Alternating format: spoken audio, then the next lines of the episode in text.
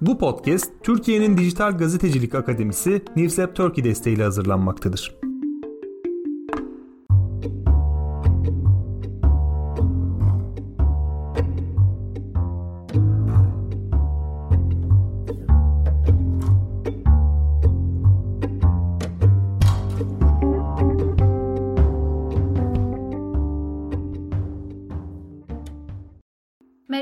Seda Karatabanoğlu. Program partnerim Akın Art ile birlikte Dünya Podcast'te yeni bir medya programına başlıyoruz. Avrupa'daki medya kültürünü ve kodlarını konuşacağımız bu program Newslab Turkey tarafından destekleniyor. Newslab Turkey, Türkiye gazetecilik endüstrisindeki kurumsal ve bireysel aktörlere ve geleceğin gazetecilerine gazetecilik pratikleri konusunda eğitim vermeyi ve onları alandaki gelişmelerden haberdar etmeyi amaçlıyor. Daha fazla bilgi için newslabturkey.org adresini ziyaret edebilirsiniz. Bizi ilk defa dinleyecekler için kısaca kendimi tanıtayım. 2013 yılından beri gazetecilik yapıyorum. Yaklaşık 3 yıl önce Fransa'ya taşındım. Burada Avrupa çalışmaları ve uluslararası ilişkiler alanında yüksek lisans yapıyorum. Daha önce uluslararası haber kurumlarının Türkçe servisleri için Newslab Turkey ve Europolitika başta olmak üzere çeşitli dergi ve web siteleri için haber ve söyleşiler hazırladım. Temmuz 2020'den beri Avrupa ve dünya gündemini yerel kaynaklardan kamuoyu tartışmalarıyla birlikte anlattığımız Dünya Podcast'in kurucularındanım diyerek sözü program partnerim Akın'a bırakıyorum. Merhabalar, ben de benzer bir şekilde sanırım 2013'ten beri gazetecilik yapıyorum. Ben de 3 sene önce Almanya'ya taşındım. Seda ile benzer zamanlarda Türkiye'den ayrıldık. Ben de burada bir yüksek lisans yaptım medya çalışmaları alanında. Şu anda da bir kamu yayıncı kuruluşunda editör olarak çalışıyorum. Bir yandan başka yerlere zaman zaman serbest haber de yapıyorum. Daha önce ben de ağırlıklı olarak haber editörü olarak çalıştım çeşitli kurumlarda. Bunun yarı sıra serbest olarak muhabirlik yaptığım ya da yazı yazdığım, makale yazdığım, söyleşi yaptığım kurumlar oldu. Şu an bu programı ortaklaşa yaptığımız Newslab Turkey'de bu kurumlardan bir tanesiydi. Ben de Seda ile aynı şekilde Dünya Podcast'in kuruluşundan itibaren içerisindeyim. Yeni programımız hayırlı olsun Dünya Podcast'te diyelim. Hayırlı olsun. İstersen Almanya'daki kamu yayıncılığıyla başlayalım. Tam sen de bir kamu kurumunda çalışırken. Önce çok kısaca neden kamu yayıncılığını konuşmak istedik ilk programda ondan bahsedelim. Birincisi tabii ki benim özelimde konuşacak olursak Almanya'da kamu yayıncılığı çok önemli bir noktada duruyor. Medya ortamında kamu yayıncılığının ağırlığı çok fazla. Fakat meseleyi sadece buradan kurmadık aslında. Bir yandan Türkiye'deki kamu yayıncılığı da uzun zamandır bir tartışma konusu ve Türkiye'deki kamu yayıncılığının geldiği nokta itibariyle örneğin kamu yayıncılığının ne olduğuna dair özellikle daha genç jenerasyonlarda buna kendi jenerasyonumuzu da dahil edebiliriz aslında. Bir olumsuz imaj ve bir olumsuz anlayış var ve benim hatırladığım kadarıyla eskiden çok marjinal olan bir takım talepler örneğin TRT satılsın, TRT özelleştirilsin veya kapatılsın gibi bugün çok ciddi destek bulabiliyor sosyal medyada veya başka mecralarda. Bu elbette günümüzde Türkiye'de kamu yayıncılığının geldiği noktayla fazla politik olarak enstrümantalize edilmesiyle oldukça yakından alakalı. Fakat sadece Türkiye'de değil, dünyada da benzer tartışmalar var. Bunların bir kısmını burada Almanya ve Fransa örneğinde aktarmaya çalışacağız zaten. Bir diğeri ve aslında kamu yayıncılığının ilk ve en kuvvetli hala öznesi sayılabilecek BBC'nin son zamanlarda öznesi olduğu tartışmalar. 1920'lerde kurulan BBC ve oldukça etkili bir yayıncılık pratiği güttüğünü herhalde seven sevmeyen herkesin e, kabul edeceği BBC bildiğiniz gibi uzun süredir bütçe kesintileri tartışmalarıyla gündemde. En son BBC'nin bütçesinin 2 yıl boyunca dondurulması ve lisans ücretlerinin yani halktan BBC finanse etmek için toplanan katkı payının kalıcı olarak iptal edilmesi gibi tartışmalar gündeme gelmişti.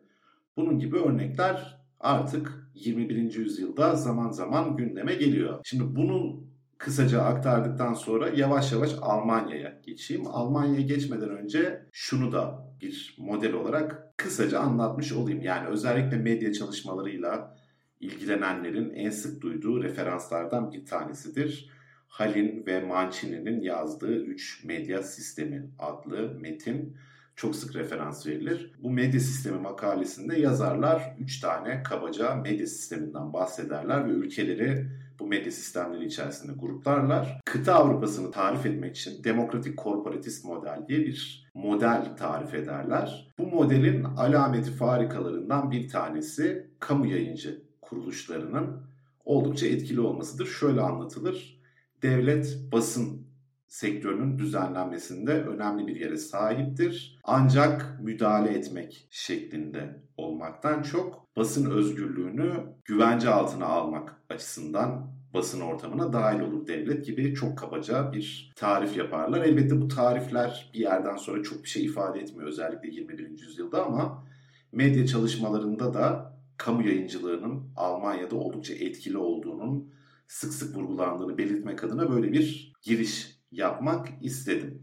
Şimdi Almanya'ya gelecek olursak Almanya'da medya ortamı çok büyük ölçüde kamu yayıncılığı tarafından domine ediliyor diyebiliriz. Almanya'da tam 21 televizyon ve 73 radyo kanalı var. Kamu yayıncı kuruluşu olarak. Elbette bu kanalların hepsini tekil kanallar olarak düşünmeyelim. Bizden örnek verecek olursak işte nasıl TRT'nin alt kanalları vardır vesaire. Onun gibi düşünebiliriz bir kısmını fakat toplamda yine oldukça ciddi bir sayıya tekabül ediyor gördüğünüz gibi. Bu kamu yayıncı kuruluşlarının tamamı vergilerle, pardon vergilerle değil vergi kelimesini kullanmıyor burada Almanya.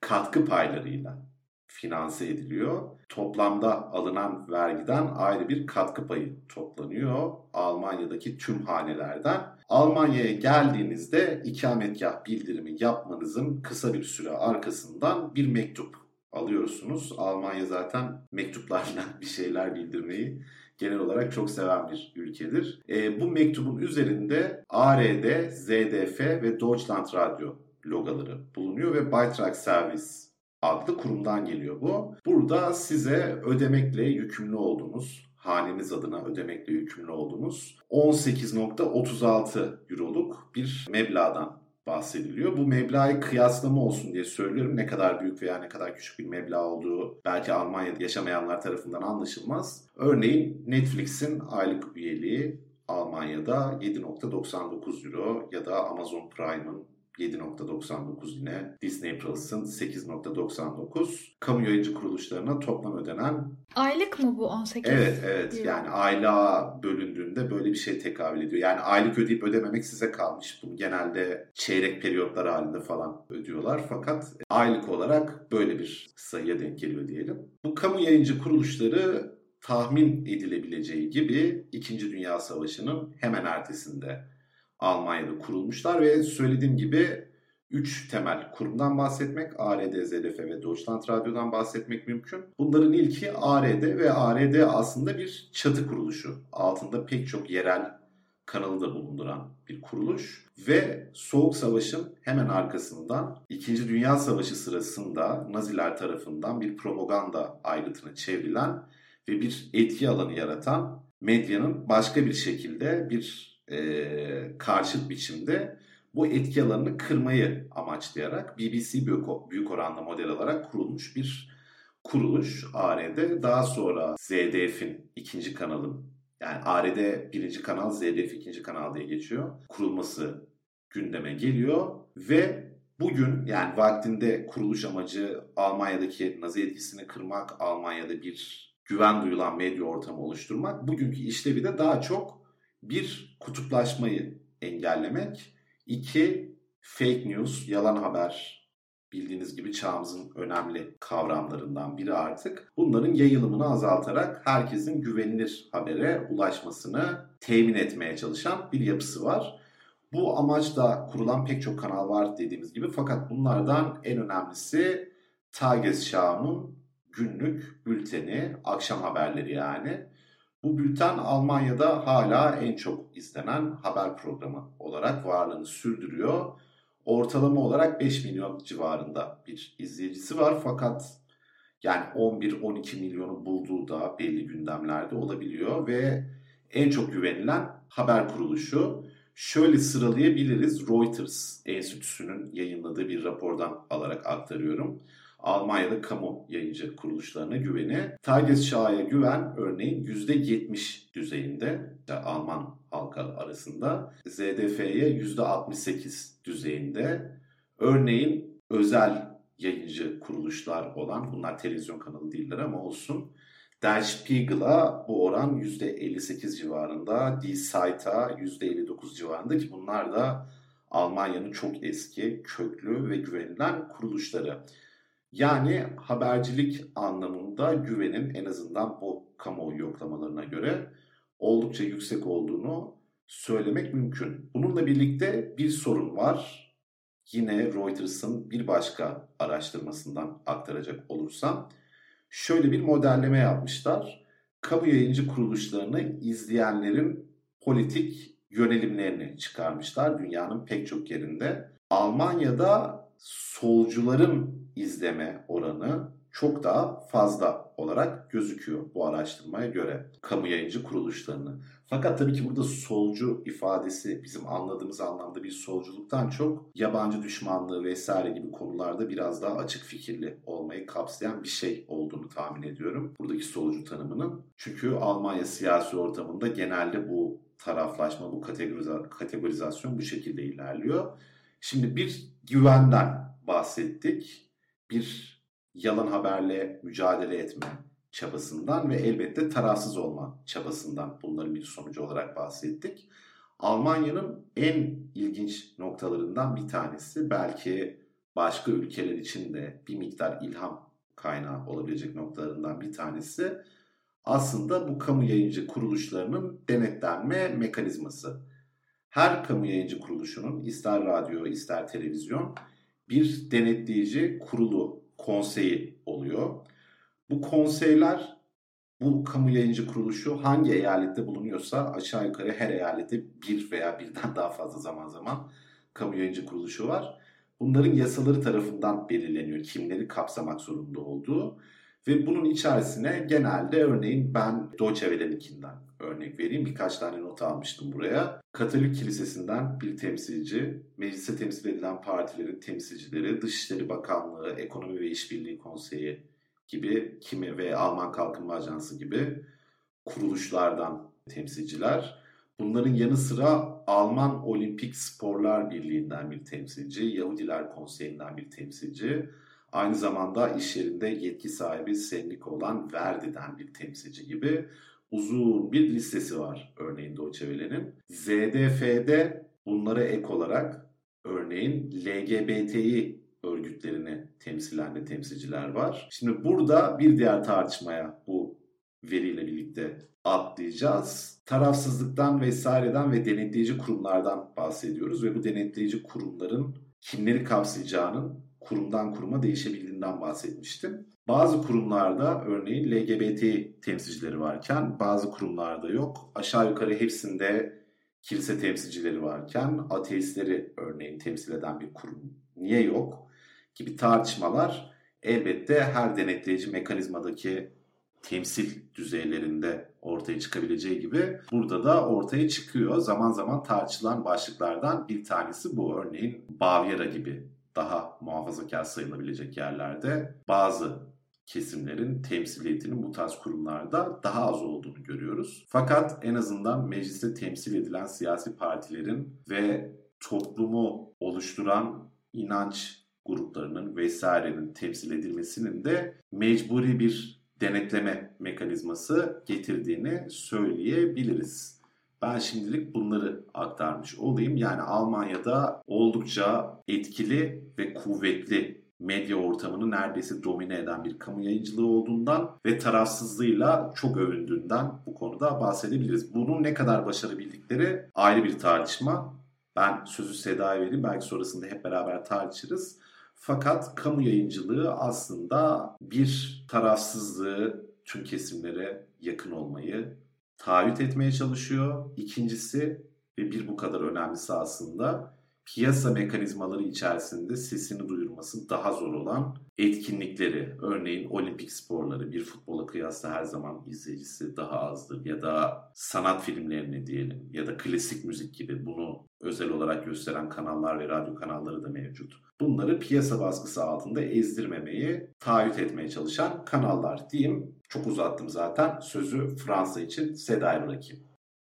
Ben de kamu yayıncılığı konusunda Fransa'da öne çıkan noktaları aktarmaya çalışacağım. Kamu yayıncılığı, radyo ve televizyon hizmetlerinin ve tabii ki günümüzde internet yayıncılığının kamu finansmanı temelinde halkı bilgilendirmek, eğitmek, eğlendirmek için içeriklerle içerik üretmek zorunda olan yayıncılık türü olarak tanımlanıyor Fransa'da. Kamu yayıncılığı pek çok hatta neredeyse her ülkede olduğu gibi Fransa'da da kanunla kurulan ve korunan ve sürdürülen bir yayıncılık türü. Kamu yayıncılığı tarafsız, sorumlu olmak zorunda, ırkçı ve ayrımcı olmamak zorunda ve yolsuzlukla etkin bir mücadele içinde olması bekleniyor Fransa'nın. Medyada ırkçı ve ayrımcı tutumlar çok ön plana çıktığı için özellikle kamu yayıncılığında buna çok dikkat ediliyor ve denge her zaman korunmaya çalışılıyor. Yani her kesimin söz hakkının ekranda ya da radyoda aktarılmaya çalışıldığını, en azından buna kağıt üzerinde dikkat etmek zorunda olduklarını söylemem gerekiyor. Aynı zamanda senin de değindiğin gibi akın sahte haberlerin ve nefret söyleminin e, hızla çoğaldığı günümüzde dijital medyada kamu yayıncılığı güvenli bir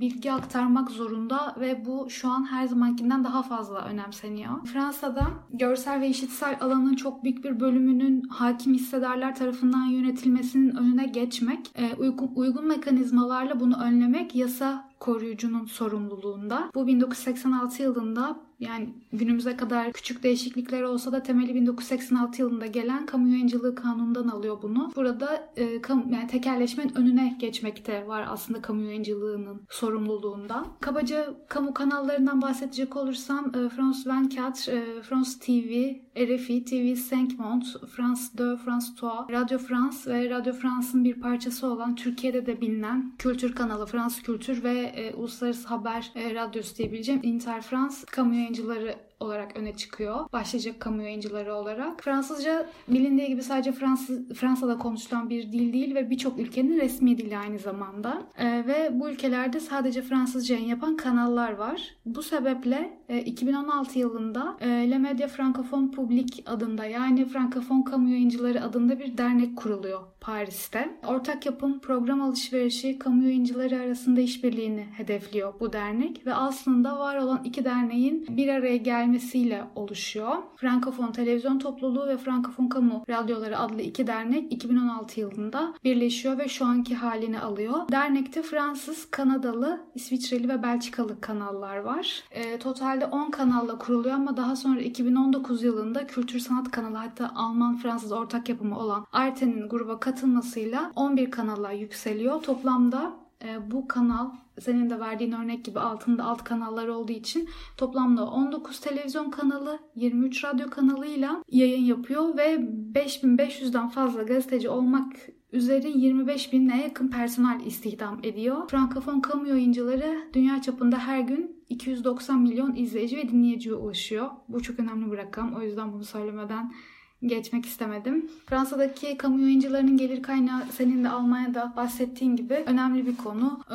ancak Fransa'da her ay değil de yıllık olarak ödenen bir e, tutar var. Kamu yayıncılarının gelir kaynağının büyük bir kısmını vergiler oluşturuyor. E, örneğin e, Radyo France'da e, görmüştüm. 2022 yılındaki gelirinin %86'sını oluşturuyor vergiler ve bu tutar 577,4 milyon euro. E, geri kalan 13,6 ise Radyo France tarafından geliştirilen reklam ve çeşitli faaliyetlerden geliyor. Fransa'da televizyon vergileri aslında kamu yayınına katkı olarak geçen ama kısaca televizyon vergisi olarak kullanılan vergiler Conseil Supérieur de l'Audiovisuel adı altında bir kurumda toplanıyor ve bu kuruma bir özel izleyiciler ve profesyoneller e, vergi ödüyor. Profesyoneller içinde restoranlar, oteller, bar işletmeleri, kafeler gibi kurumlar bulunuyor. Bu kurumun e, KAP olarak kısaltabileceğim bu kurumun 2022 yılındaki hedefi 3,79 milyar euroydu. Bireyler için kamu yayıncılığına katkı sağlamak için aslında iki koşul var. Birincisi konut vergisine tabi olmak, ikincisi içinde bulunan yılın yani cari yılın 1 Ocağı'ndan itibaren birinci ikametgahta bir televizyon sahibi olmak. Fransa'da kişiler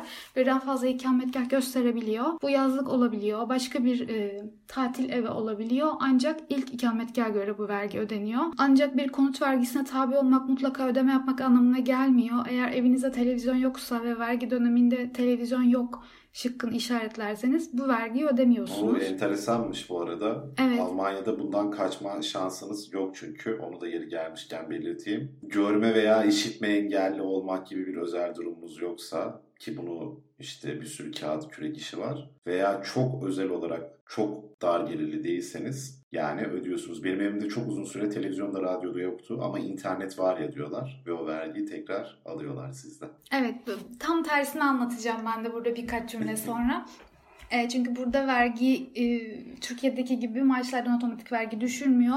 Vergiyi siz beyan ediyorsunuz. Koşullarınızı siz bildiriyorsunuz. Bu sebeple televizyonum yok dediğinizde söze bir güven olduğu için kimse gelip evinize televizyon var mı yok mu diye kontrol etmiyor. Burada tamamıyla vicdan ve toplumsal sorumlulukla e, yurttaşlık bilinciyle hareket etmesini bekliyorlar insanlardan. Dediğim gibi evinde televizyon yok şıkkını işaretlediğiniz takdirde konut vergisine tabi olsanız bile televizyon vergisi ödemiyorsunuz. Televizyonunuz evde olsa bile vergiden muaf kişiler var. Ya bunu Türkçe hani ayrılmış, boşanmış kişiler olarak da çevirebilirim ama e, kanuna direkt olarak yazan şey dul kalmış kişiler. Konut vergisinin vergilendirilmesinden önceki yıl servet üzerinden e, dayanışma vergisinden sorumlu olmayan 60 yaş üstü kişiler, e, yaşlar için dayanışma ödeneği alan kişiler, ek mağluliyet ödeneği alan kişiler, malul ya da engelli olan ve çalışmalarıyla geçimini sağlayamayan kişiler e, bu televizyon vergisinden muaf. E, yine televizyon vergisi konusunda Fransa'da bazı özel durumlar var. Paylaşımda evde yaşamak Avrupa'da ve Fransa'da oldukça yaygın. Bu evlerdeki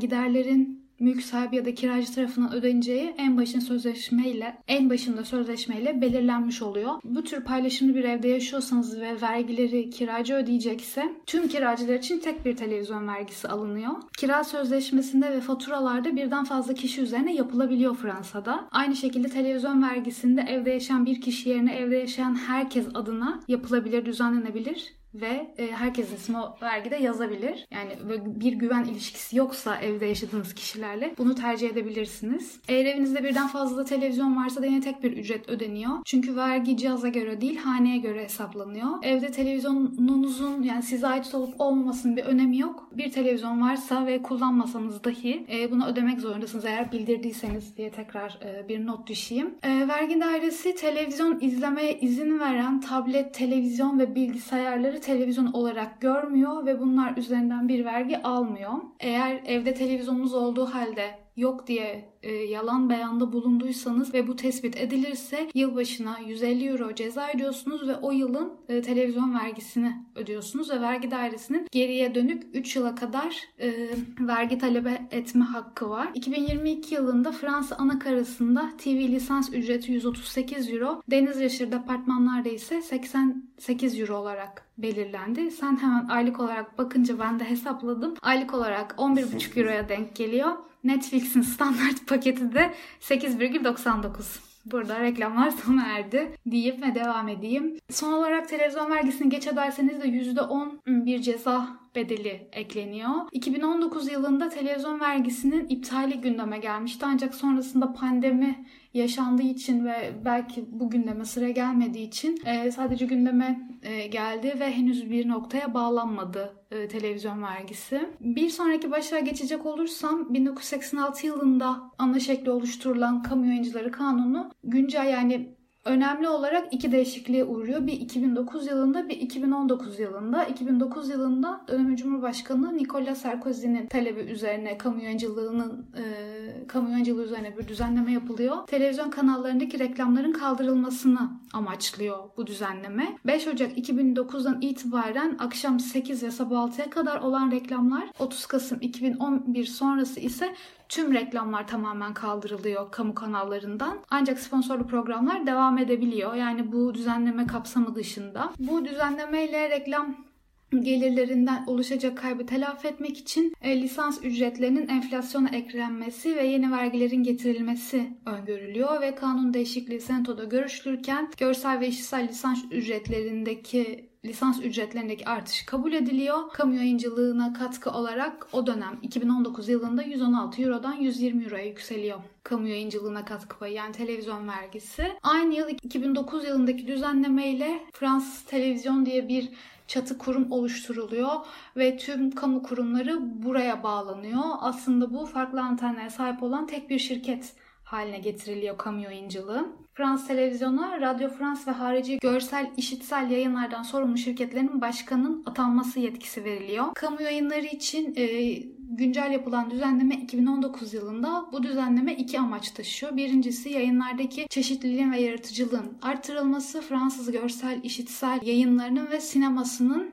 etkisinin yayılması, sektörü canlandırmak ve kültürel bağımsızlığı sağlamak. İkincisi ise vatandaşları belirli dijital alışkanlıklardan korumak, her yaştan ve her kökenden kentsel, kırsal, büyük şehir, deniz aşırı fark etmeden herkese daha yakın ve daha verimli bir hizmet sunmak. Bu son söylediğim cümle biraz e, Rütük ve TRT vari olabilir ama hemen altında açıklayacağım bunu. E, Türkiye'deki düzenlemelerden biraz farklı. Yine 2019 yılında yapılan düzenlemeyle Frans Medya adında bir şirket oluşturuluyor ve tüm kamu kurumları buna bağlanıyor. Bu ana bir şirket haline geliyor. Yine 2019 yılındaki düzenlemeye göre Netflix ve Amazon gibi uluslararası dağıtıcılar Fransız ve Avrupa yapımlarını desteklemek, finansal olarak desteklemek zorunda bırakılıyor. Yüksek gönüllüye sahip bu operatörler özellikle bağımsız film, dizi ve belgesel alanlarında Fransız ve Avrupa kreasyonlarını sergilemek, üretimlerini kısmen finanse etmek zorunda bırakılıyor. Yani aslında e, sansür uygulamak yerine ya da içeriklerine karışmak yerine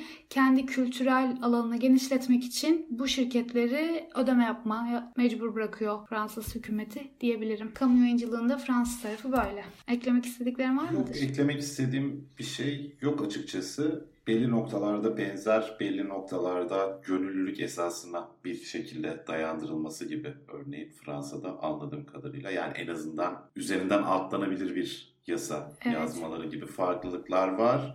Bu şu anlamda önemli yani gelip bizden zorla para alıyorlar falan gibi bir şey kısmından tuttuğum için değil. Şu yüzden aslında daha sindirilmiş olduğunu da belki Fransa'da gösteriyor yani. Bu bir şekilde işliyor ki bunu gönüllülük yani üzerinden atlanabilir bir boşluk bırakıyorlar. Böyle bir boşluk bırakıldığında ben Almanya'da çok fazla kişi öder mi? Çok emin olamıyorum açıkçası.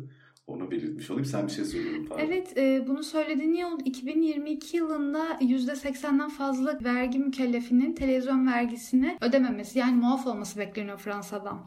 Geriye kalan %19'luk %20'lik vergiler bu bahsettiğim tutarları oluşturuyor. Yani 2022 yılında 3,79 hmm. milyar euroydu. Sadece %20'lik kesimden bu tahsil ediliyor diyeyim. Çünkü gerçekten evinde televizyon olmayan, olduğu halde beyan etmeyen öğrenciler e, ya da belli bir gelirin altında olduğu için zaten tüm vergilerden muaf olan pek çok insan var. E, belli bir vergi limiti ve alt, alt limit var.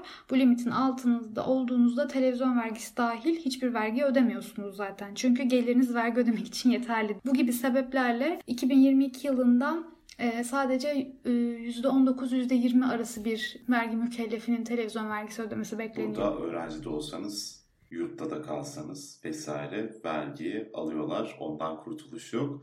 Bunun getirdiği bir takım tartışmalar burada da oluyor. Yani bu kamu yayıncı kuruluşlarının çok yaşlı ve eski kaldığı, çok beyaz Alman olduğu, beyaz Alman ve erkek olduğu, dolayısıyla belli kesimlerin izlemedikleri asla ve izlemedikleri halde herhalde böyle bir para vermekten rahatsız olduğu gibi tartışmalar gündeme gelebiliyor. Fakat benim görebildiğim kadarıyla merkez siyasete işte merkezin solunda sağında duran Almanlarda diyelim basın özgürlüğünün ve tarafsızlığın bir güvencesi olarak görme eğilimi de hiç de azımsanacak düzeyde değil kamu yayıncılığını. Fakat eleştirilerinde eleştirilerin de olduğunu özellikle de biraz dediğim gibi öğrencisinden, şusundan, busundan fark etmeden alınması sebebiyle bu konuda eleştirilerin de olduğunu, olduğunun altını çizmiş olalım e, Almanya özelinde.